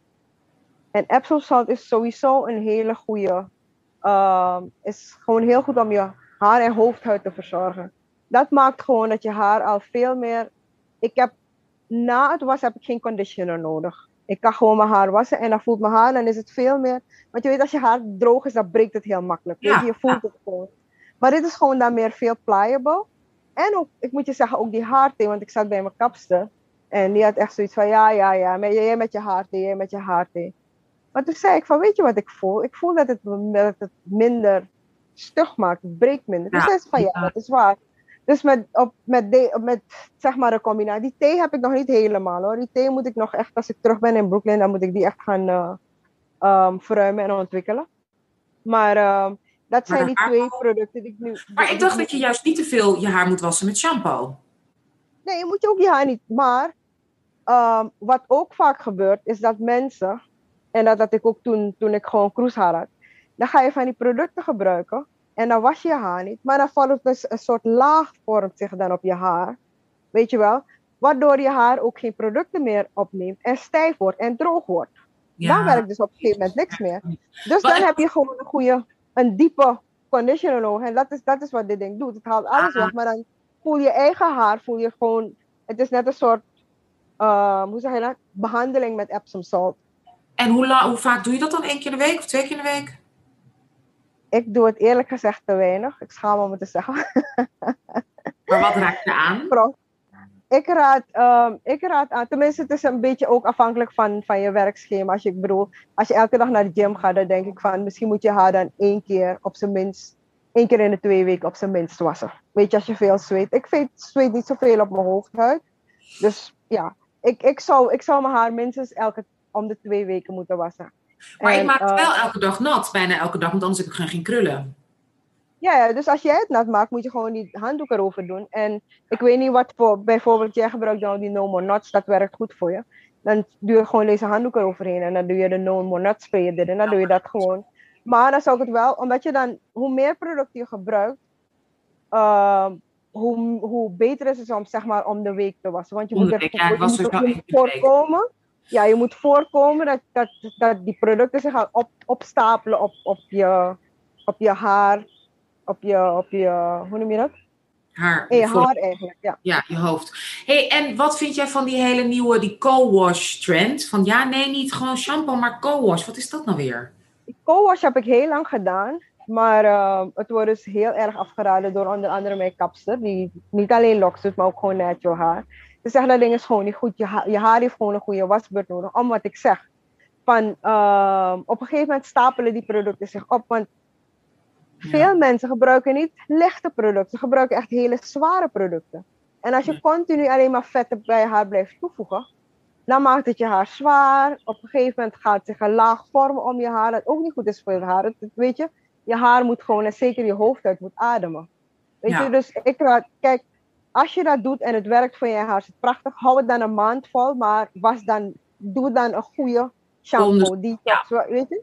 Gewoon echt en dan ik echt, Ja, en dan raak ik echt deze shampoo aan, want het, uh, deze shampoobal aan, het is organic. Weet je wel? En echt, ik zweer, probeer daar gewoon Epsom zout of probeer gewoon iets op je haar te smeren waarvan je denkt van, als je denkt van deze shampoobal wil ik niet. Maar probeer dan gewoon echt uh, elke maand, als je, zeker als je co-washt, om je haar minstens elke maand te wassen. Ik, ik denk om de twee weken is beter, maar echt om de maand wel te wassen. Wat vind, ken jij dat nieuwe merk? Ik word er helemaal mee doodgegooid hier in Amerika op alles wat ik, eh, als ik een spelletje speel op mijn telefoon of uh, op social media. Shadavi. En dat schijnt black-owned te zijn. Heb je daarvan gehoord? Nee, nog niet. Oh nou, check het uit. Ik ben heel benieuwd wat je ervan oh, vindt. Wel. Ja, ja, Shadavi. Ehm, ze gebruiken in ieder geval dezelfde inpak uh, als jij. Ze hebben ook zo'n zo'n zo'n zo'n zo'n flesje. Het is niet hetzelfde spul als de no-nuts, maar het is wel hetzelfde soort flesje. Ja, ja. Oké. Ja, ja. ja. Maar ga jij, en ga jij wel door weer ook met je eigen product ontwikkelen? Ja, ik ben nu bezig dus met de hele lijn, weet je, er, uh, hoe noem je dat, behalve die shampooballen. En nu kijk ik, ja, ik denk toch dat ik nu ook veel meer ervaring heb. De concurrentie is, weet je, elke dag zijn elke dag komen er weer nieuwe merken op de, op de markt. Dus er, er is al veel. Dus je moet echt uitkijken van waar je insteekt en waarom. Weet je wel, het moet wel een toegevoegde waarde zijn. Het moet niet zoals zoveel zijn. Weet je, net als die No Iedereen vond die geweldig. Iedereen vond ook mijn shampoo geweldig. Weet je wel, dus ik probeer me wel, ik probeer wel die dingen eruit te pikken die, die, die werken. Die goed vindt. Als er nu mensen luisteren, als er nu man en vrouw luisteren die zeggen: Oké, ik ben overtuigd, ik ga natural. Wat is de eerste stap? Um, de eerste stap, weet je, ik heb Going Natural, dat boek heb ik geschreven, Going Natural, How to Fall in Love with Nappy Hair. Het is misschien wel handig als je, die, als je, als je dat aanschaft, want als je helemaal ready bent, je komt, hoe dan ook, voor welke journey je ook ready bent, je komt, ja, je kan jezelf tegenkomen, weet je. Je kan zeggen van, ik denk dat ik ready ben, sommige mensen zijn helemaal ready. Ik denk zelf, als je ready bent, dan scheer je gewoon je hoofd al en no one cares. Weet je, wat een heleboel mensen niet doen, omdat ze daar gewoon nog niet ready voor zijn. Ja, Weet je? En dan, daarom heb ik dus, en op zich, en het, er, is geen, er is geen toverformule die werkt voor iedereen. Weet je, jij voelt je goed met je, goed, met, met je kort haar. Iemand vindt van nee, ik kan niet zonder haar. Weet je, waar het om gaat is dat jij het alle tijden lekker moet voelen. En daar kan je mee gaan spelen, experimenteren. En wat ik beschrijf in Going Natural, How to Fall in Love with Nappy Hair. Daar leg ik dus uit dat je, hoe noem je dat? Zoek naar kapsels waarvan je denkt dat ze jou zullen staan. Zoek naar kapsels die jij leuk vindt. Maak dan een schemaatje van dit ga ik dragen over een week, over een maand, over twee maanden. Weet je wel, maak zo'n schemaatje en je kan het veranderen, weet ik En ga die kapsels uitproberen. Weet je wel, als je haar half gestreed is, dan kan je bijvoorbeeld, dan, dan kan je gewoon een beetje een, een, een kapsel kan je gaan simuleren door je haar te vlechten en het tegelijkertijd te rollen. Weet je, ik heb ook van die afro curlers op mijn website staan. Weet je, ga, ga daarmee spelen. Die maken je haar echt helemaal klein krullen. Doe dat dan. Weet je wel, ga daar gewoon een beetje mee spelen. Als je wil van, ga een beetje invlechten, ga een beetje dit doen. En elke keer wanneer je haar een beetje groeit, leer met je eigen haar omgaan. Want op een gegeven moment gaat je haar breken. En dat is een heel moeilijk punt voor velen. Maar natuurlijk, dat kroesenhaar groeit, dat is gewoon je normale kroeshaar, je natural hair. En dan heb je daar chemisch gemanipuleerd haar, daaronder zeg maar. Dan heb je daar de line of demarcation. En dat is heel ja, dat is, dat, is, dat is eigenlijk heel zwak. Dat is een zwaktepunt. En daar kan je haar gaan breken. krijg je echt bossen met haaruitval. En dat is dan een, kan een moeilijk punt zijn voor mensen. Dus in die fase moet je dan je haar veel gaan vlechten. Weet je wel, dus zodat, er, zodat, gewoon, zodat je de onderkant gewoon rustig kan blijven groeien. Weet je, dat soort tips beschrijf ik allemaal in Going Natural, How to Fall in Love with Happy Hair. Het is verkrijgbaar bij Amazon. Nu nog niet in boekvorm. Wanneer ik weer terug ben, zal ik ze weer gaan... Uh, maar ik dat ik heb hele How to Fall in Love with Nappy Hair, ja. Ja. Oké, zetten we ook op de... Lieve mensen, alle tips komen erop. Uh, ik heb alles bijgehouden, opgeschreven. Dat, dat ik het allemaal goed in de nieuwsbrief kan zetten. Dus dat is helemaal top. Wij eindigen altijd de uitzending ook met een vast rubriek. Ga ik ook bij jou doen. Dat heet dan de DDD's. En dat betekent dansen, drinken, dipsausen. Ik geef je straks drie namen. En dan moet jij kiezen met wie je wat wil doen. Dus met één van de namen mag je dansen. Met de andere mag je drinken. Nou, dat staat voor zich, hè? Dansen, drinken. En wat is dipsaus? Dipsaus is eigenlijk nou ja, wat wij in Dipsaus podcast eigenlijk altijd met elkaar doen. Dus met elkaar appen, voice notes inspreken, foto's random sturen van, weet ik veel, Meghan Markle of van uh, leuk nieuw haarkapsel of van Viola Davis. Uh, uh, series aanraden, gewoon continu met elkaar in communicatie, dag en nacht. Dus als ik ochtends wakker word, kijk ik altijd in mijn Dipsaus en heb ik minstens zes appjes en zij ook drie appjes van mij. En nou, de hele tijd we communicatie met elkaar. Dat noemen we dipsaus. Dus je hebt het over seks, je hebt het over liefde, je hebt het over haar, je hebt het over afvallen, dikker worden, over alles. Um, ik geef jou drie namen en jij moet zeggen wat je gaat doen met, e- met de drie. En ook heel belangrijk waarom. Oké? Dus gesproken over de Big Chop waar je het over had. Naam 1 is Tiffany Haddish. Actrice, comedienne die al haar haar heeft afgeschoren live op Instagram. Om helemaal natural te gaan. Dus dat is naam nummer 1. Naam nummer 2, ja, die kan niet ontbreken, want ik hou zoveel van haar. Viola Davis actrice, als je nog een serie wil kijken, Mireille, kijk dan naar How to Get Away with Murder. Een van de mooiste scènes daarin is dat ze haar pruik afdoet. Heb ik gezien, ja. Oké, prachtig. En de derde naam die ik je geef, dat is Gabrielle Union. Ook een actrice, fotomodel, nou al de hele leven. Ook een kind, zelfs al heel jong begon als actrice. En zij voedt haar dochter bewust op met natural hair, waar ze ook heel veel kritiek op krijgt. Van, eh, je hebt nappy hair, blah, Terwijl zij zoiets heeft, het is een baby. Laat haar lekker met haar eigen haar. Ik ga het niet de hele tijd volstoppen met vet en verzorgen, strakke knotjes en gedoe. Dit is mijn dochter en dit is haar haar. Dus dat zijn de drie vrouwen, de drie namen. Met wie ga je dansen? Met wie ga je drinken? Met wie ga je dipsausen en waarom? Oké, ik denk dansen met Tiffany Haddish omdat die echt zo'n gek is en ik doe altijd minstens even gek op de dansvloer. Dus ik denk dat ik met haar helemaal los kan gaan op de dansvloer. Dat wordt gek. um, en dan gaat het between, dan gaat het, uh, between Gabriel Union en um, Viola Davis. Viola Davis. Um, met wie ga ik wat drinken? ik denk dat ik een goed gesprek zou kunnen hebben met Viola Davis. Puur omdat zij was ook de eerste die dus naar de Academy Award is gegaan met de natural hair. En daar was ook heel veel pas over. En die scène die het zegt. Dat is een vrouw die, uh, die ook stevig in de schoenen staat. Ook, ik weet niet of je dat toen mee hebt gekregen, maar ze heeft toen uh, de help. Die, ze heeft dus die help, daar heeft ze ook heel veel slek over gehad. Ja, is ze eerlijk over geweest? Ze spijt van? Of quote-unquote van, ja, nee, achteraf. Ja, precies. Nou, ik weet, heeft ze er nu spijt van? Want ik heb nou, gelezen dat ze zei van, je moet niet de baby met het bad worden. Moet nee, precies. Dus niet spijt, maar ze zegt wel van, ja goed, A, ze was gewoon actrice, ze had gewoon geld en werk nodig. Weet je, ja, je moet toch ergens beginnen. Maar ze vindt het wel achter, al met al een problematische film. Ja, ja, want ik vond er wel goed in, um, hoe heet die? Met Denzel Washington. Um, oh, ja, Offenses. Ja.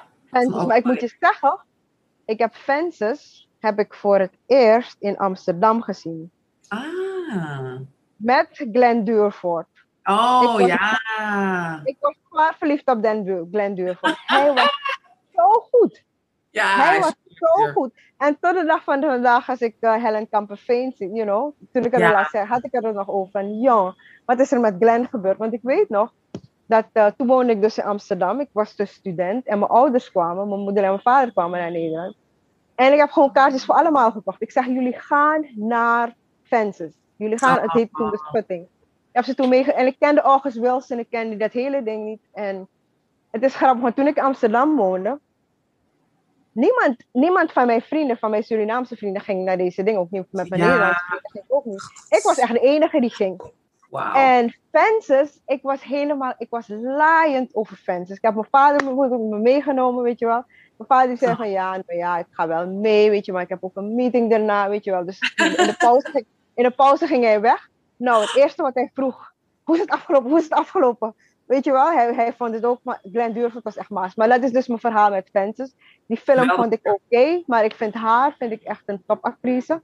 Ja. Maar ze heeft ook, ze heeft ook cachet, ze heeft ook Weet je, ze heeft ook Gabriel, dan, dan blijft over Gabriel Union. Uh, dus wacht even dus je gaat drinken, ga je dan drinken met Viola en praten of ga je met haar dipsaus zodat je continu met haar in gesprek kan zijn?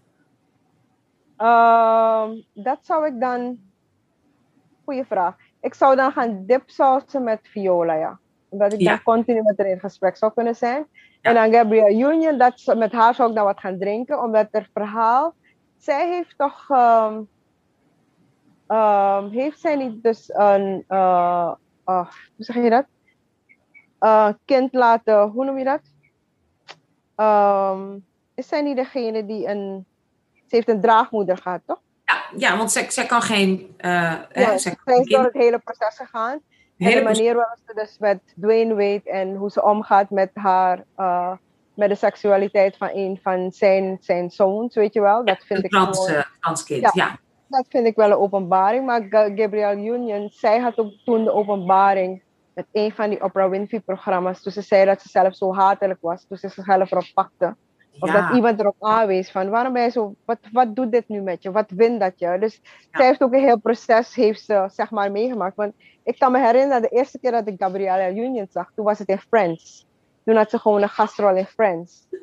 Toen, ik weet nog, ik vond het zo geweldig, ik vond het zo mooi en ik vond het zo goed acteren. Ze liet Ross, liet ze eigenlijk gewoon, op een gegeven moment, wie was het nou weer? Ross had het te versieren, maar toen kwam Joey of iemand anders kwam en toen zaten die twee zo macho te doen. Toen, zat, toen was zij gewoon weg, toen zaten ze nog te praten van oké, waar is ze nu? Nou ja, dat vergeet ik dus nooit meer. Ik oh, die heb ik nooit gezien. Oké, ja, wat geweldig. Toen al vond ik er een talent. Toen dacht ik van, waar is ze nou? Waar is ze nou? Weet je, waar blijft ze nou? En uh, nu zie je er dus vaker en ik zie een beetje die groei die ze heeft doorgemaakt. Dus ja, met haar zou ik wel even het gesprek willen hebben ook. Dus met haar ga je drinken, met Viola ga je dipsausen en met, uh, met Tiffany Harris ga je dansen. Ja. Ik kan, ja. me, ik kan me helemaal vinden in je keuzes. Ja. nou, Leuk, ja. Ik kan niet wachten tot je weer terug bent in New York. Dat ik met je kan drinken en dansen en dipsausen. Maar ik ben we blij... hebben lekker gedanst, man. We hebben echt lekker gedanst. Ja, Heerlijk. Ja, godzijdank was dat... We hebben echt een heel veilig evenement gehad. Even voor alle luisteraars. Met genoeg afstand. was heel groot. Het was de verjaardag van mijn partner. Die werd 50. Nou, moest groot gevierd. Maar we hadden het helemaal goed, hè. Veel afstand, allemaal maskers. En we hadden een DJ, dus wij hebben staan dansen inderdaad. Dat was echt heerlijk. Oh, like lifetime ago. Moeten we weer doen, ja Ik ben heel blij dat je veilig, dat je fijn in Paramaribo zit met familie. En heel veel sterkte natuurlijk, Krakti, met het, uh, met het overlijden van je vader. Dank je wel dat je met mij dit gesprek wilde hebben. Ik ga alle informatie natuurlijk op de site en alles zetten. Volg allemaal. Mireille, waar kan iedereen jou vinden op de socials? Op de socials kunnen ze kunnen vooral mijn website is whatnaturalslove.com. Weet je, ik heb ook een whatnaturalslove.nl die ik nu aan het ontwikkelen ben met uh, Surinaamse items. Um, waar ze me kunnen vinden is gewoon de Mireille Young page. Die kunnen ze liken en dan krijgen ze alle nieuws. Krijgen ze. En verder heb je ook nog een What Natures Love uh, page. Dus je hebt een What Natures Love page en ik heb een persoonlijke page. Dus je moet me kunnen vinden. En ook op Instagram ben ik What Naturals Love. What Naturals Love. What Naturals Love. Oké, nou ik ga het allemaal natuurlijk in de nieuwsbrief zetten. Mireille, heel erg bedankt voor het heerlijke gesprek met jou. En uh, ja, ik mis je, girl. We miss you. Ik mis je ook. Ik mis je ook. Wat leuk. Heel, heel erg fijn. Bedankt. Heel fijn. Bedankt dat je me hebt geïnterviewd. Dat ik hier bij jou mocht zijn. Bij Dipsaus. Eindelijk heb ik kunnen dipsaus. Ik heb zoveel gehoord over je dipsaus. Geweldig yes. dat ik helemaal fijn. Dank je. Ik mis je ook.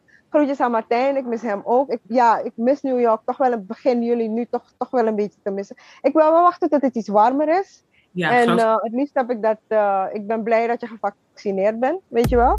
Um, ja daar moet ik waarschijnlijk ook aan gaan werken. Maar ja, ik hoop je in ieder geval volgende maand weer te zien. Thank you, thank you, thank you. Dankjewel. Ik ga de opname uitzetten. Alright. Doei doei. Recording, yes.